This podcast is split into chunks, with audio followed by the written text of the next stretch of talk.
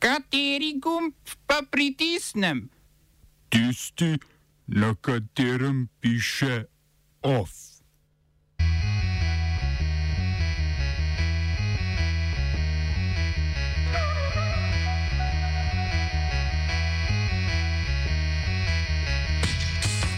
Vojaški ataše pred veleposlanikom Mjanmara v Združenem kraljestvu zaklenil vrata ambasade.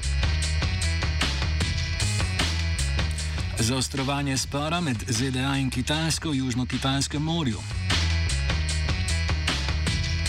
Protestniki v četrti noči nasilja v Severni Irski zažgali avtobus. V noveli o vojaški dožnosti spet možnost naborništva. V kulturnih novicah Jakova rekordna podpora domačim avtorjem.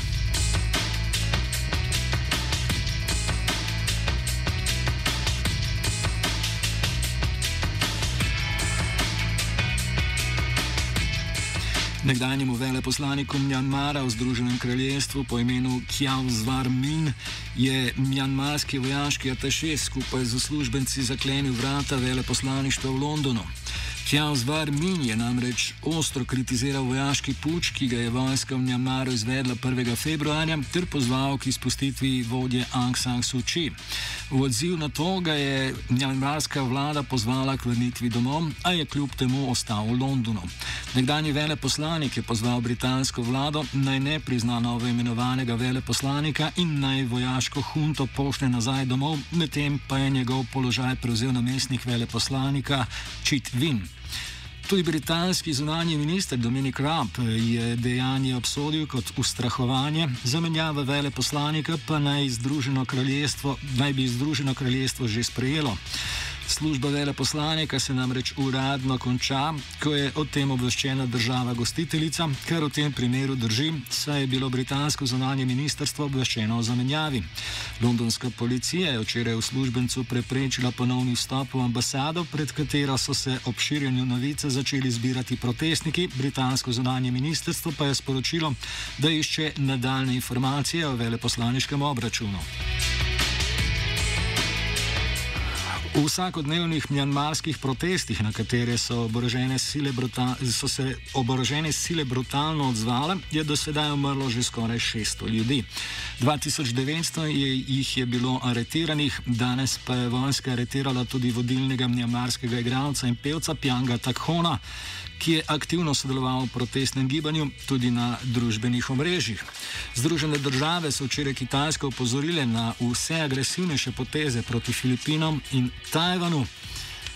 Ob napadu na filipinske obrožene sile in javna plovila v Tihem oceanu se Amerika namreč počuti odolžno upoštevati pogodbo o medsebojni obrambi med ZDA in Filipini.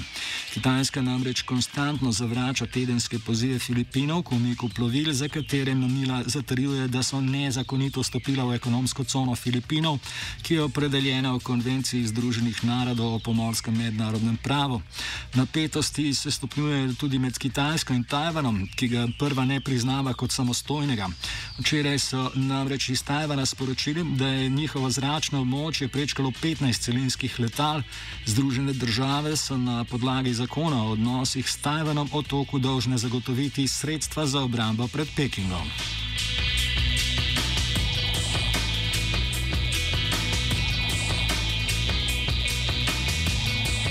Ameriški predsednik Joe Biden je zaveznikom že obljubil trdno obrambo proti Kitajski. Filipinski predsednik Rodrigo Duerte je kitajskemu veleposlaniku že konec prejšnjega meseca izrazil zaskrbljenost zaradi zbiranja kitajskih ladij v bližini grebena Witsun v Južno-Kitajskem morju.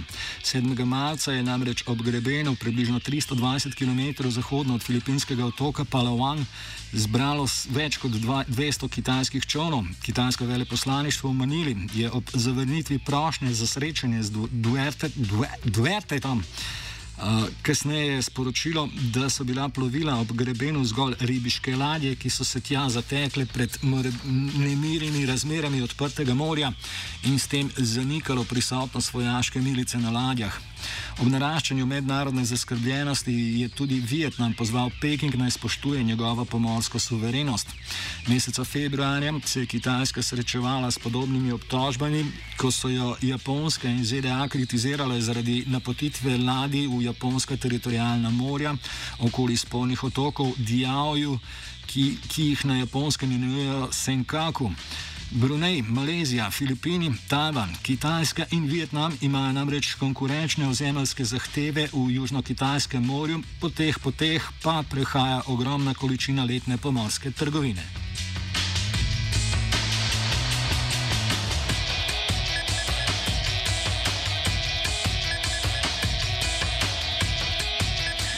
Protestniki so se v četrti noči nasilja v Severni Irski, kjer se je zaradi brexita vzpostavilo nelagodno politično ravnovesje, zažgali zajeti avtobus in v policiste v Belfastu metali opeke, rakete in plinske bombe. Na obeh straneh zidu, ki ločuje cesto St. Hill od sosednjega irskega nacionalističnega območja, se je zbralo več sto protestnikov. Britanski premijer Boris Johnson je že izrazil zaskrbljenost ter množico pozval naj medsebojne razlike premošča z dialogom in ne z nasiljem. Vlada Severne Irske pa je v luči nemirov danes organizirala izredni sestanek. Do nasilja so pripeljale naraščajoče napetosti glede trgovskih pravil, ki jih določa Brexit. S tem se je namreč uveljavila carinska meja znotraj Združenega kraljestva, ki, je, ki Severna Irska nasprotuje. Temu je posledično sledilo še poslabšanje odnosov med strankami protest, protestantsko-katoliške vlade Severne Irske. Včerajšnji nemiri so sledili tistim uh, med velikonočnimi prazniki, ko so na unionističnih območjih v okolici Belfasta protestniki zažigali avtomobile in metali plinske bombe v policiste.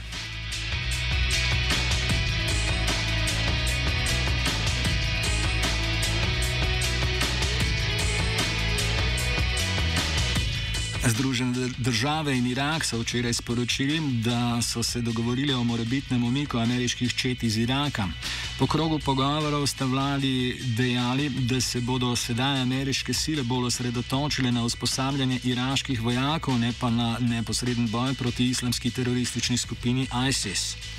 Ameriški in iraški uradniki so tako izjavili, da v prihodnosti Bojne čete zato ne bodo več potrebne, pogovore o obsegu vojaških operacij ameriške vojske pa bodo nadaljevali v okviru vojaških pogajalskih skupin. Po podatkih ameriškega obramnega ministrstva je v Iraku stacioniranih približno 2500 njihovih vojakov, ki pomagajo v boju proti ISIS-u.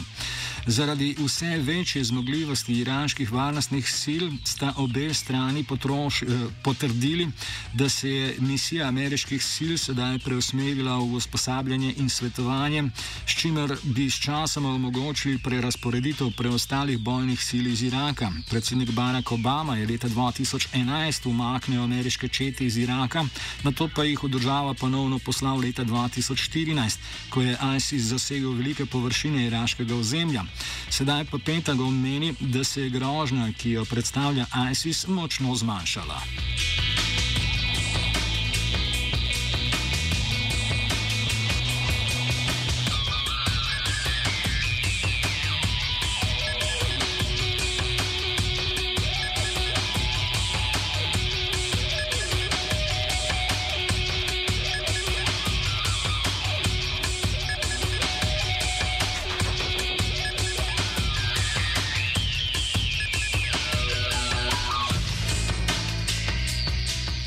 Če, če bom odgovoril na angliški. Slovenija will try to help.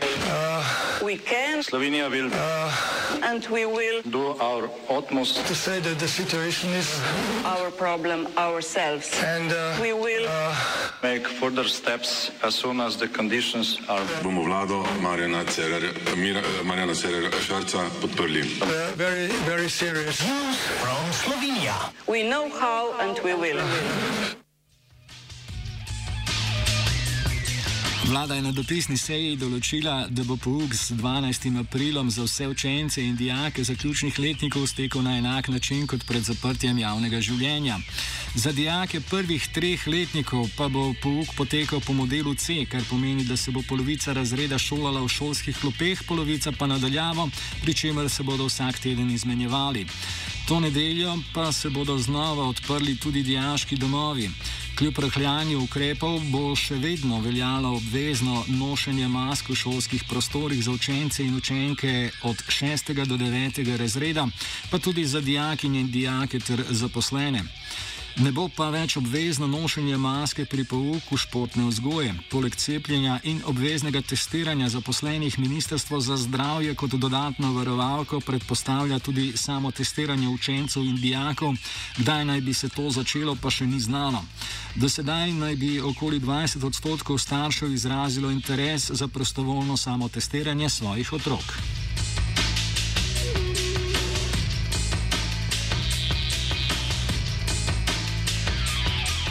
Med gradivi v vladni obravnavi je bil včeraj objavljen predlog novele o služenju vojaškega roka. Cilj nove zakonodaje je zagotoviti boljšo, dolgoročnejšo kadrovsko izpopolnjenost vseh struktur slovenske vojske. Med navedenimi ukrepi je tudi možnost obveznega služenja vojaškega roka, da nima ob morebitnem poslabšanju varnostnega okolja v miru. Obrambni minister Matej Tunin si je že ob nastopu mandata zadal nalogo, da poveča število pripadnikov v slovenski vojski in pred dvema mesecema se je pohvalil, da mu to tudi uspeva. Hkrati pa je trdil, da za razliko od koalicijske partner, partnerice SDS ne podpira ponovne uvedbe obveznega služenja vojaškega roka, ki je bilo pri nas ukinjeno leta 2004. Med spremembami, ki bo obravnavala vlada, je sicer tudi zvišanje starostne meje za sodelovanje v pogodbeni rezervi vojske in sicer z 50 na 55 let za moške in 40 na 55 let za ženske. Stroka ima sicer glede ponovne uvedbe obveznega vojaškega roka precej pomislekov. Nekatere navedbe obramboslovca, eh, obrab, pardon, nekatere navede obramboslovka Maja Garb z fakultete za družbene vede. Prej je bil pogoj, mislim, da razglasitev vojnega ali izrednega stanja, zdaj pa poslabšanje varnostnih razmer.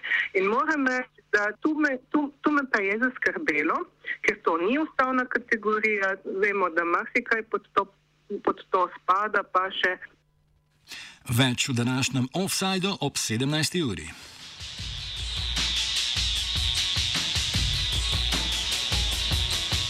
Of je pripravila vajenka Hanna, njen mentor je bil Gal.